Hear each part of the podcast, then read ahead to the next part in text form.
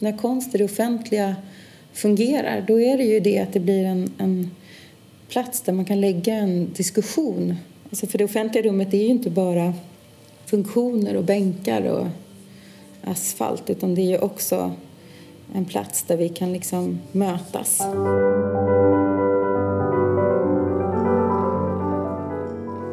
Hej, det här är Konst Blekinge-podden och jag heter Ola Hallqvist.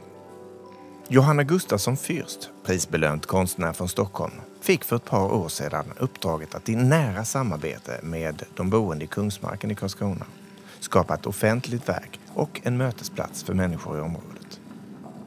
Projektet, som är en del av Statens konstråds satsning Konst händer, börjar nu närma sig sitt slut och verket invigs i september 2018. Den gamla panncentralen och föreningen Kungsmarkens Folkets hus och park blev basen för uppdraget. Konst i Blekingepoddens producent Susanne Skog träffade Johanna Gustafsson Fürst för att få veta mer om tankarna bakom verket.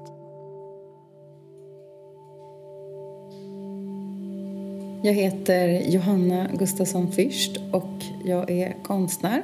Eh, född och uppvuxen i Stockholm och är också verksam här. Jag arbetar på väldigt många olika sätt.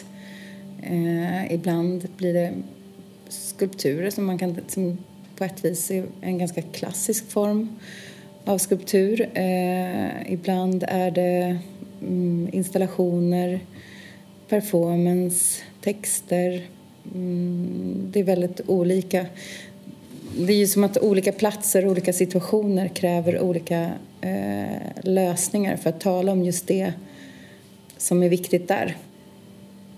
Jag har en stor erfarenhet av att arbeta i längre undersökande processer som handlar och behandlar offentligt rum. Ehm, att arbeta med konst är ett sätt att dels vara tillsammans men också att tänka för mig. Vi träffas i hennes ateljé i en av Stockholms södra närförorter. En före detta industrilokal med regn och måsar utanför och ett brusande värmeelement under det stora fönstret. För ett par år sedan inledde Statens konstråd och Kulturrådet projektet Konst händer där ny offentlig konst skulle skapas på 15 tidigare inte så högt prioriterade platser runt om i Sverige. Närmare bestämt så kallade miljonprogramområden. Bakom detta låg en regeringssatsning vid namn Äga rum. Vi kommer att återkomma till den lite längre fram i den här intervjun. Tanken var att konsten skulle komma till i nära samarbete med personer som bor och verkar på de här platserna. Så grupper av invånare i de områden som kvalade in på beskrivningen i regeringsuppdraget de fick ansöka om att få bli ett av de 15 utvalda. Därefter kopplades dessa områden och grupper ihop med konstnärer för att se om de ville och kunde arbeta tillsammans. Helt omvänt alltså. Konstnären skulle inte komma med ett färdigt förslag på ett konkret verk. Detta skulle istället ta form i samarbete under projektets gång. En av dessa konstnärer var Johanna Gustafsson Fürst som under de senaste åren har tillbringat mycket tid i Karlskrona eller närmare bestämt i mellanstaden. Områdena Gullaberg, Mariedal och framförallt i Kungsmarken. Så eh, jag kom dit för två år sedan i augusti på ett första möte. Vad var det för plats som du mötte då? Ja. För du hade inte någon relation till det innan eller? Nej, inte alls. Nej. Jag kom till en ganska skruttig panncentral med en enorm stor potential och en grupp väldigt trevliga personer som är väldigt engagerade och upptagna över att det finns inte en samlingsplats just i det här bostadsområdet, mellanstaden. Det finns små föreningslokaler och många små och olika föreningar och ett rikt engagemang men just en gemensam plats saknades. Men vad är en panncentral? Ja, en panncentral det är ju helt enkelt, ja vad är det egentligen? Ja men det är väl där, det är ett slags värme värmeverk eller liksom en slags okay. en, en, en, industribyggnad med en enorm stor skorsten. Eh, och den stod då tom och de hade fått eh, kontraktet på den och eh, har jobbat väldigt hårt sedan dess då med att liksom renovera och få till pengar och få till eh, bidrag så att det kan bli en långsiktig fungerande verksamhet. Att få ett Folkets hus eh, de har också då eh, blivit en del av Folkets hus och parker, den här stora organisationen. Mm. Och startade då Folkets hus och park Mellanstaden. Och det är alltså en grupp ideellt arbetande personer som ser en brist i ett bostadsområde. För det är också så att det tar 20 minuter med buss in till centrala Karlskrona. Eh, och det finns väldigt många människor som bor men inte liksom kanske ett öppet café där man kan sitta och samlas. Och just det här med att ha offentliga samlingsplatser eller liksom ett torg som fungerar där man kan liksom vara och bli till tillsammans är väldigt viktigt för en stadsdel. Den här bristen har då många sett väldigt länge i mellanstaden Kungsmarken. Um, och nu hade det, några drivande personer äntligen satt igång det här arbetet. Så jag kommer till den här äh, ganska skruttiga industrilokalen. En grupp väldigt engagerade och fina personer.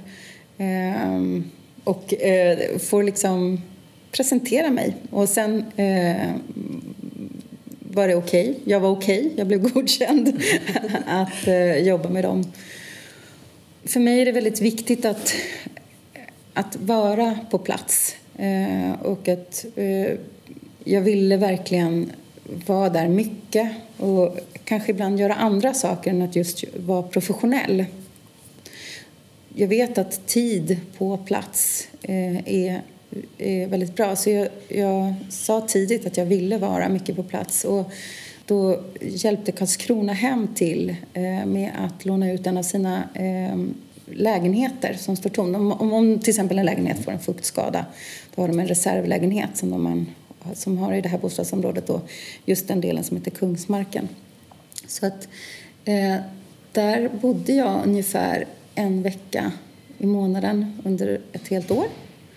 Vad fick du för intryck av vad det här var för ställe? Mitt första intryck, alltså du vet, det var en så perfekt solig dag. Det var väldigt mycket folk ute just det här bostadsområdet som ligger närmst panncentralen som heter Kungsmarken det är byggt med stora huskroppar som ligger i slingrande ormar skulle man kunna säga, eller 3S om man ska förenkla, som har en stor naturliknande eh, innergård. Så det är ett väldigt bra bostadsområde. Barnen är väldigt, kan springa fritt på innergårdarna och det är bilfria innergårdar.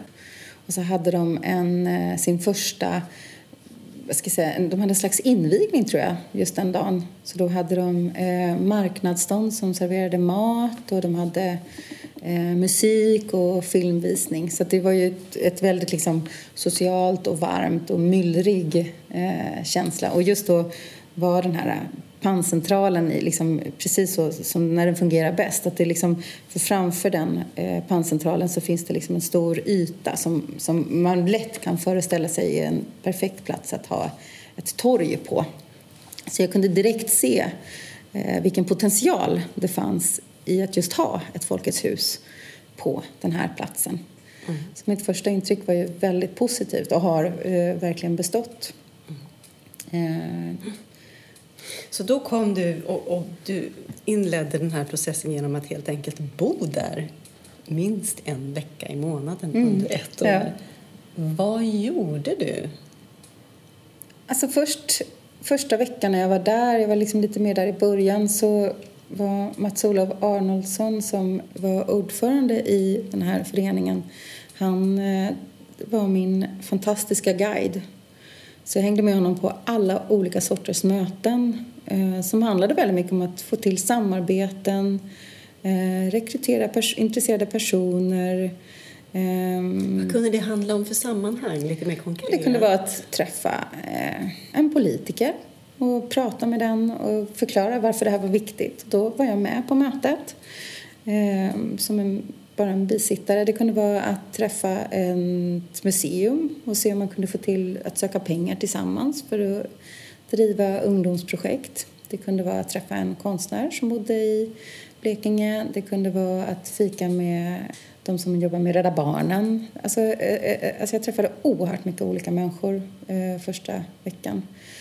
Och efter den första veckan så eh, kände jag väldigt starkt att jag skulle vilja ha en koncentrerad grupp eh, som kunde skapa en slags eh, expertgrupp som kunde hjälpa mig. Liksom, det som, egentligen är det inte alls ett ovanligt sätt att arbeta för mig. Jag, att, att komma till en plats är att komma till en eh, grupp eh, boende och verkande på den platsen och de har ju en expertis som man bara kan få genom att bo och verka länge. Eh, så att ganska snabbt så började jag ta lite olika kontakter och höra mig för kring intresserade personer som eh, ville arbeta. Och det här var ju då också ett eh, arvoderat uppdrag, att man eh, verkligen var en expert som skulle kunna komma in på timme och diskutera och hjälpa till att tänka kring det här. Vilka, hur kom den att se ut sen, den gruppen? En Eh, person, eh, Lubla Dardosh. Hon hade precis kommit till Kungsmarken från Syrien och hon hörde om den här satsningen på radio, tror jag och frågade en bekant som råkade eh, känna till mig. Och så, så ringde hon mig. Eh, och så tog vi en kaffe. Och hon var ju helt perfekt, för hon hade också en, en bakgrund inom konstnärlig utbildning. Så då var det ju så fint att ha en person som, liksom jag, var ny på platsen men som också bodde där fast. Eh, sen fick jag tips om eh, Nadja Breite som då var 14 år och som är uppväxt i området. Och då visste jag ju direkt att då hade jag liksom en sorts expertis av någon som är född på eh, platsen. Och sen då, då ville jag ju ha personer som kom från andra generationer och som hade olika kunskaper. Eh, så då fick jag tips om två personer som har bott i området sedan eh, det byggdes som också eh, har varit och är väldigt engagerade i Hyresgästföreningen. Det är Ann-Kristin Ottosson och Laila Hammarlund som just i arbetet med Hyresgästföreningen då får du ju den här kunskapen om allt från grillplatser, bänkar, lampor som är trasiga och också vilka som bor där. Det är liksom en fantastisk förening eh, och en, en källa till kunskap och kontakter. Sen ville jag också ha en person som var engagerad i eh, styrelsen för Folkets hem och park. Eh, så att jag liksom hade nära kontakt med dem. Och då, utöver Mats Olof som, som då är ordförande så tog jag också med Leo Nedsa Asirovic och Hind Abdul Wahab som är mm, också i olika generationer och har kommit till Sverige eh, vid olika tillfällen i, i sitt liv. Och sen så kom jag i kontakt med en ung filmare som heter Ali Alsaker som eh, har gjort en serie filmer eh, med vänner som heter Välkomna till Kungsmarken som jag hade sett på Youtube innan jag kom. Men den här gruppen bildade en slags kärngrupp. Sen träffades vi varje gång jag kom till eh, och bodde i Kungsmarken eh, på olika sätt. En gång så träffades jag och Ludna och Nadja själva och gick promenader runt i området en hel dag. Vi fotade mm, gropar i asfalten som inte lagades. En annan gång gick jag, Ann-Kristin och Laila runt och tittade på eh, gatlampor som inte lagades. Jag följde med Hind och eh, fick arabiska lektioner av henne. Så Hind och jag umgicks till en början genom arabiska lektioner men sen var hon också med när vi liksom närmade oss ett, ett spånande av vad vi skulle kunna göra. Och där, där någonstans, ganska tidigt, så nästan alla jag mötte och pratade med sa att vi vill inte ha ett konstverk som kan bli vandaliserat. För det, blir, det, det är någonting som händer. Och det här är ju också ett, ett tecken på att... Eh, nu tycker jag i och för sig att eh, Karlskronahem är väldigt snabba på att eh, laga saker. Men i och med att det är två olika bostadsbolag och det ena eh, huskropparna hade precis sålts till ett nytt bostadsbolag så då skapades det ju liksom glapp i vem som Eh, Eh, äger och vem förvaltar och vem sköter om vissa platser. Och då, då kan det också bli glapp i underhåll. Ett glapp i underhåll som kanske som inte eh, finns i centrala Karlskrona. Och det är ju någonting som jag har liksom sett om vi även tittar på eh, Stockholm, att eh, vissa bostadsområden så kan en bränd bil stå i en lekpark i två månader utan att den tas bort. Medan det kanske aldrig skulle hända då i Kungsträdgården. Så här kan man ju se då hur underhåll och en slags politisk rättvisa blir väldigt tydligt och synliggjort. Mm. Den här processen som är det här att lära känna en plats, lära känna människor och eh, förstå platsen ur olika vinklar, både politiskt och socialt och mm. ur alla möjliga perspektiv. Om vi kallar det då för en social process mm. och sen så är det då också en konstnärlig process att få fram ett verk. Mm. Hur ser den där relationen ut för din del? Är det samma sak eller är det parallella processer eller hur? hur ibland är det samma, ibland är det parallella och ibland är det väldigt åtskilt. Jag skulle nog säga att det alltid är olika. Sen är det här är första gången jag hade liksom som en... Alltså, det finns inga krav på Statens konstråd att det skulle bli något fysiskt på plats. Ehm, så det hade ju kunnat hända att jag hittade något annat. Ehm, alltså att man kanske skapade en årlig tradition eller eh, det kunde blivit ett eh, ljudverk eller ja, vad som helst annat. Men, men jag vet att jag ganska tidigt tyckte att just skapa ett offentligt verk som hade eh, fysisk form och som hade en slags permanens eh, var en spännande utmaning. Och jag ska inte bara säga en spännande utmaning, men jag kan också tycka att jag kan se ett mönster att det kommer intressanta, diskursiva, sociala projekt till eh, vissa stadsdelar och så kommer det bronsskulpturer till andra stadsdelar. Och att titta lite noga på hur, hur det blir till. Jag tycker kanske att eh, det skulle vara bra om det blev mer diskursiva sociala processer på Östermalm i Stockholm till exempel. Man kanske behöver prata lite mer om politik och vad konsekvenser av vissa beslut får för andra människor. Men det finns en tendens att eh, just när det kommer till bostadsområden byggda på 60-70-talet som liksom räknas in i det här miljonprogrammet där ska det plötsligt bli väldigt mycket diskursiva projekt och politiska projekt. Och, sen, och det är inte någonting som jag tycker är dåligt men jag själv kände att den här gången skulle jag gärna vilja att det resulterade i en, en artefakt som kostade pengar. Som liksom manifesterade ett slags värde också. Så redan tidigt så var vi liksom i gruppen vi var ganska tydliga med att vi ska, vi ska göra en grej. Liksom. Det ska bli en grej här. En annan sak som jag själv slogs av det var ju att den här panncentralen den var tidigare ett förråd för julgransprydnader eh, och julbelysningen som kommer upp in i centrala eh, Karlskrona.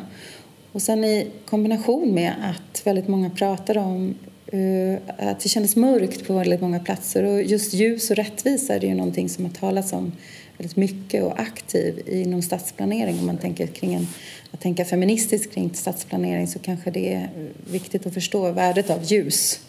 Eh, så ljus och rättvisa och någonting som inte kunde bli vandaliserat det kom redan de första månaderna. Men sen hur det skulle göras eh, det var en, en lång process. Eh, vi, tittade då, vi var ju väldigt mycket nere på, liksom i bostadsområdet men vi tittade också väldigt mycket på kartor. Och då, någon gång när jag kom hem och tog fram alla de här kartorna och teckningarna då såg jag fel på någon av eh, de eh, som var med teckningar och tyckte att den hade ritat en hjärna.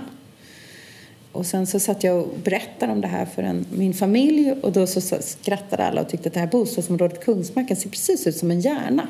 Så det var liksom en väldigt spännande planritning som jag då plötsligt kunde se när jag åkte hem och, och, och reflekterade. Och där kan vi då tycka liksom att om jag ska skilja åt så var det här, att vara tillsammans var en slags social konstnärlig process och så kommer jag hem och så ska jag berätta om den för någon annan och sitter och tittar på resultatet och ser plötsligt en, en annan bild Ehm, och då är ju det en slags en fel, att se fel eller att se något annat som jag kunde göra i en annan situation.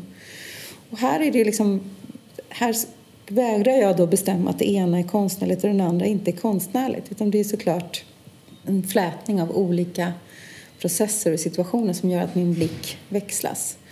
Och den här då teckningen, planritningen, det var sen någonting som vi har tagit fasta på eh, i slutresultatet. Och när, liksom, när vi hade sett det här, eh, jag hade sett att vi hade sett det kanske man ska säga, eh, så var det det vi jobbade med tillsammans.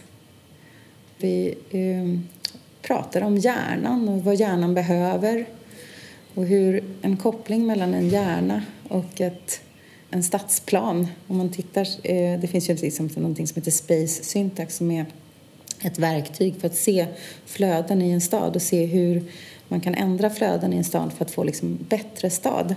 då kunde man se att just infarterna till eh, just Kungsmarken och eh, till hela mellanstaden, det är väldigt få infarter vilket att det skapas inte så mycket flöden och riktningar. Men sen kan man se att de boende har skapat massa stigar för att själva göra de här flödena. Så just hur vi kunde se på stadsplanen och hjärnan och hjärnans behov av olika interaktioner. Vi hade liksom satt och spånade ganska mycket kring det. Ehm, och just hur, vad är, vad är liksom en kollektiv hjärna? pratar vi om. Liksom hur, hur, just det där, hur blir det när många tänker och är på samma plats? Ja, då löser man ett problem i hur vägarna är ritade av arkitekten från början genom att själva använda sina kroppar och sen så förstärker alla kroppar så blir det liksom ett nät av stigar. Och, och det där gjorde vi tillsammans. Sen så finns det ju såklart en, en väldig erfarenhet av att se bild och en ganska, för att vara konstnär kanske en stor kunskap om stadsplanering som jag har som, som kunde göra att jag kan liksom använda det som kommer upp i liksom ett slags förkroppsligande. Eh, och då, efter ett tag så hade jag liksom så pass mycket tankar. Jo, men en annan rolig händelse det var när vi var ute och gick en annan promenad och pratade om det där. Vad sjutton ska vi göra? För att det är ett sånt stort bostadsområde och vi ville så gärna att det här skulle komma många till del. Så vi pratade om att sprida ut verket på jättemånga platser men det blir väldigt dyrt. Du vet. Och då så stod vi vid, vid eh, panncentralens skorsten.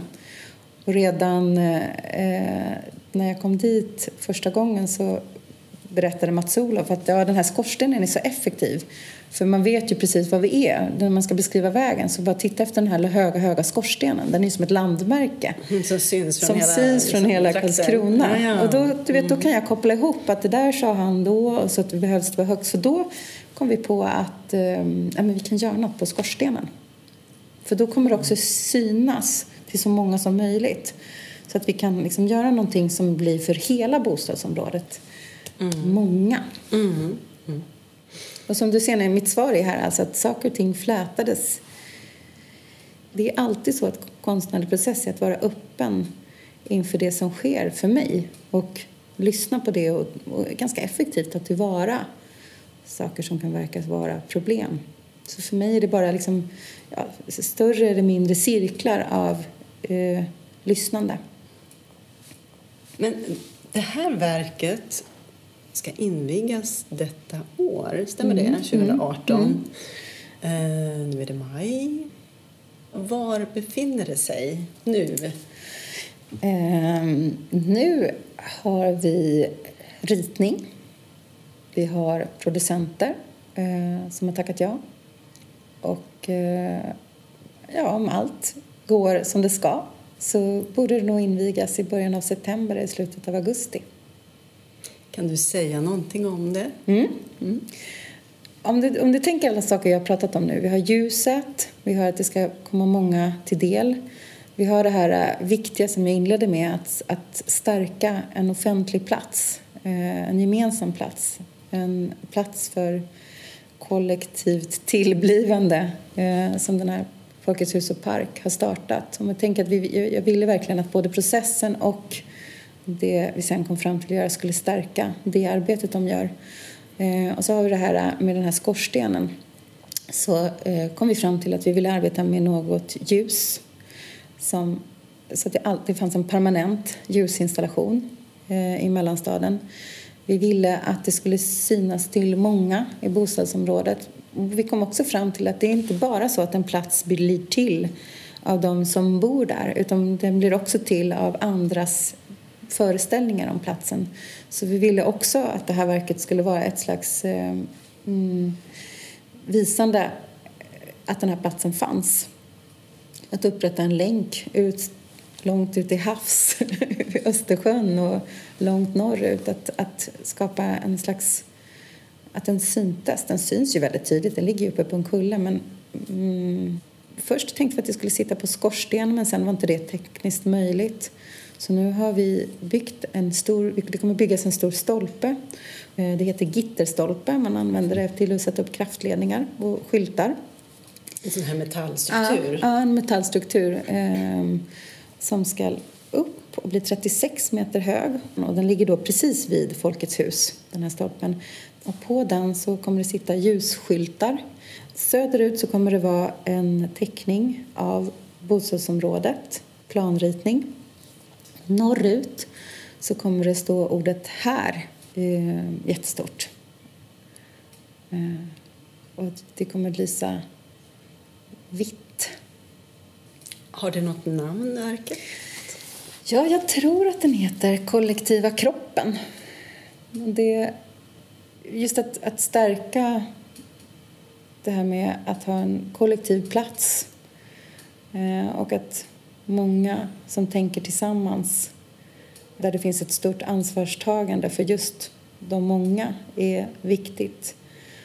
Men också den här kunskapen som, som byggs upp på en plats av de som bor på platsen. Att man, man börjar bygga en stig tillsammans för det är en bättre väg till bussen.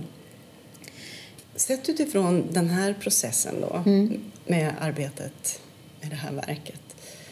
Var skulle du säga att man hittar potentiella problem i förhållande mellan den konstnärliga verksamheten och mötet med den plats och den struktur och de, det man möter helt enkelt när man som konstnär kommer till en plats och ska göra ett verk.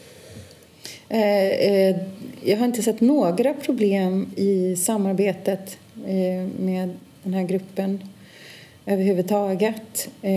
Det enda problemet som jag har sett är ju formuleringar i hur uppdraget är formulerat från början. Jag kan läsa från hemsidan som finns på Statens konstråd. Och det är en kritik som jag har fört fram i rapporter till Statens konstråd också för de är väldigt intresserade av så en del i det här uppdraget handlar ju också om att utveckla metoder för hur offentlig konst, processen med offentlig konst kan bli till och att då titta på konstnärer som har arbetat med flera olika metoder eh, och, och, lära sig av konstnärerna har ju varit en stor del i uppdraget. Så att, um, men om vi tittar nu här på texten på hemsidan. Konst händer är en del av Ägarrum, en regeringssatsning på kulturverksamheter i vissa bostadsområden. Ansvaret för ägarrum delas av Statens konstråd och Kulturrådet, det jag sa tidigare.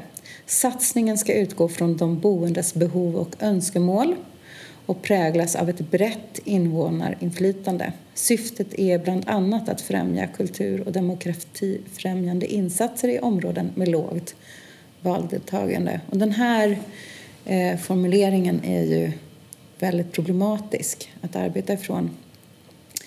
Eh, dels att en satsning ska utgå från de boendes behov och önskemål och präglas av ett brett invånarinflytande. Alltså vad är ett brett invånarinflytande? De personerna jag räknar upp här, det är ett slags tio, det är tio stycken. Eh, det är inte ett brett invånarinflytande och det är omöjligt att få till ett brett invånarinflytande för, som enskild konstnär. Och, eh, jag är inte ens säker på att det är bra. Eh, jag kan gå vidare här. Då. Syftet är bland annat att främja kultur och demokratifrämjande insatser i områden med lågt valdeltagande. Och här blir det då en problematisk eh, sammanblandning av demokrati och konst. Det blir en negativ utgångspunkt för uppdraget att det är ett område med ett lågt valdeltagande. Det är liksom peka ut, inte för att jag inte tycker att man ska peka ut problem, därför att det är ett lågt valdeltagande på den här platsen. Men att, alltså, varför är det lågt valdeltagande? Vad har lett till den situationen? Och att man utgår i satsningen att peka på det här området och säga att det är ett lågt valdeltagande här, alltså ska det bli lite konstpengande som då ska höja valdeltagandet. Alltså det är ju orimligt. Det blir ett instrumentellt Det blir väldigt, eh, ja, konst kan, alltså konstnärliga processer kan, det är okej, de kan ju vara instrumentella i vissa lägen, det har inte något problem, men att tro att konst skulle kunna lösa de här sakerna, det är ju för sig inte det det säger, men det blir ju så. Eh, det krävs väldigt mycket mer resurser eh, och man skulle kunna säga så här istället att vi har upptäckt eh, på Kulturdepartementet att vissa bostadsområden har fått mindre kulturpengar per person. Vilket slarv av oss. Nu måste vi kompensera för detta slarvet. Vi börjar med våra ringa medel och så hoppas vi att andra departement eh, följer vårt exempel. Så att man själv, alltså vem, vem har skulden här? Eh, och här, här får jag då liksom, det här är ett problem för mig att, att då konst kommer in och blir liksom någon slags spektakel eh, ser, ju ut, ser, ju ut som massa pengar och som ser, ser jätteviktiga ut. När det här är ett, kanske ett gnetigt SFI-undervisning eh, som skulle kunna erbjudas för alla även om de inte har uppehållstillstånd till exempel. Det ser ju inte så flashigt ut. Det är ingenting som man kan flasha med härliga bilder på Instagram med. Va? Men det är där det, är där det verkligen är ett problem. Eh, och det är ju en problematisk utgångspunkt för hela det här arbetet. Eh, och där har jag haft problem. Men jag tog arbetet därför att då kan jag till exempel få plats och prata om det.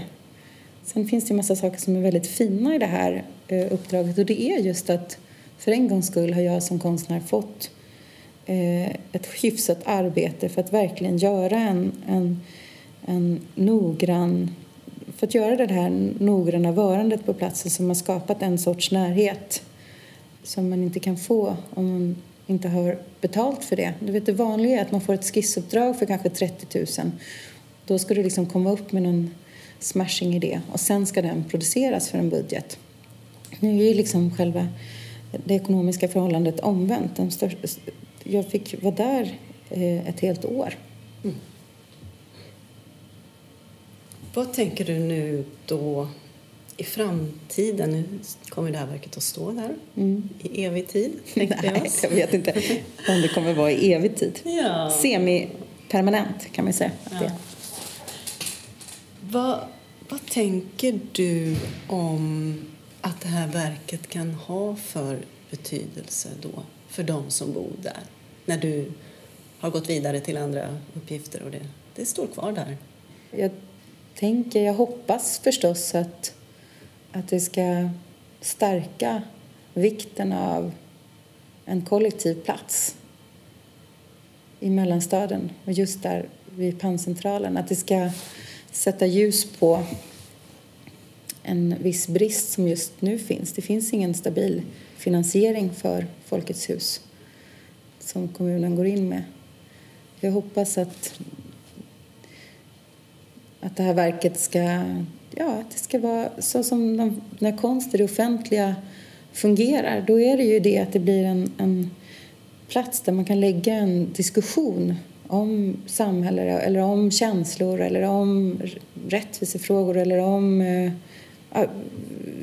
rent estetiska smakfrågor. Att du kan, alltså för det offentliga rummet är ju inte bara funktioner och bänkar och asfalt utan det är ju också en plats där vi kan liksom mötas.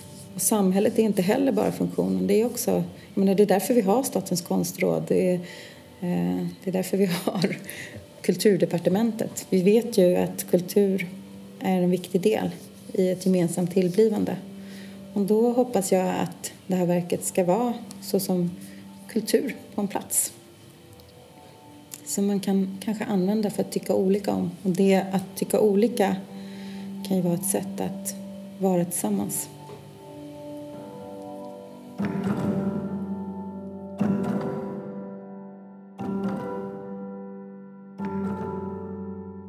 Vi har hört konstnären Johanna Gustafsson Fürst berätta om projektet och satsningen på offentlig konst i bostadsområdet Kungsmarken i Karlskrona. Verket, som troligen kommer att heta Vår kollektiva hjärna, invigs i höst. Producent för det här avsnittet av Konst i Blekinge-podden var Susanne Skog. Fler avsnitt hittar du på konstiblekinge.se. Hej!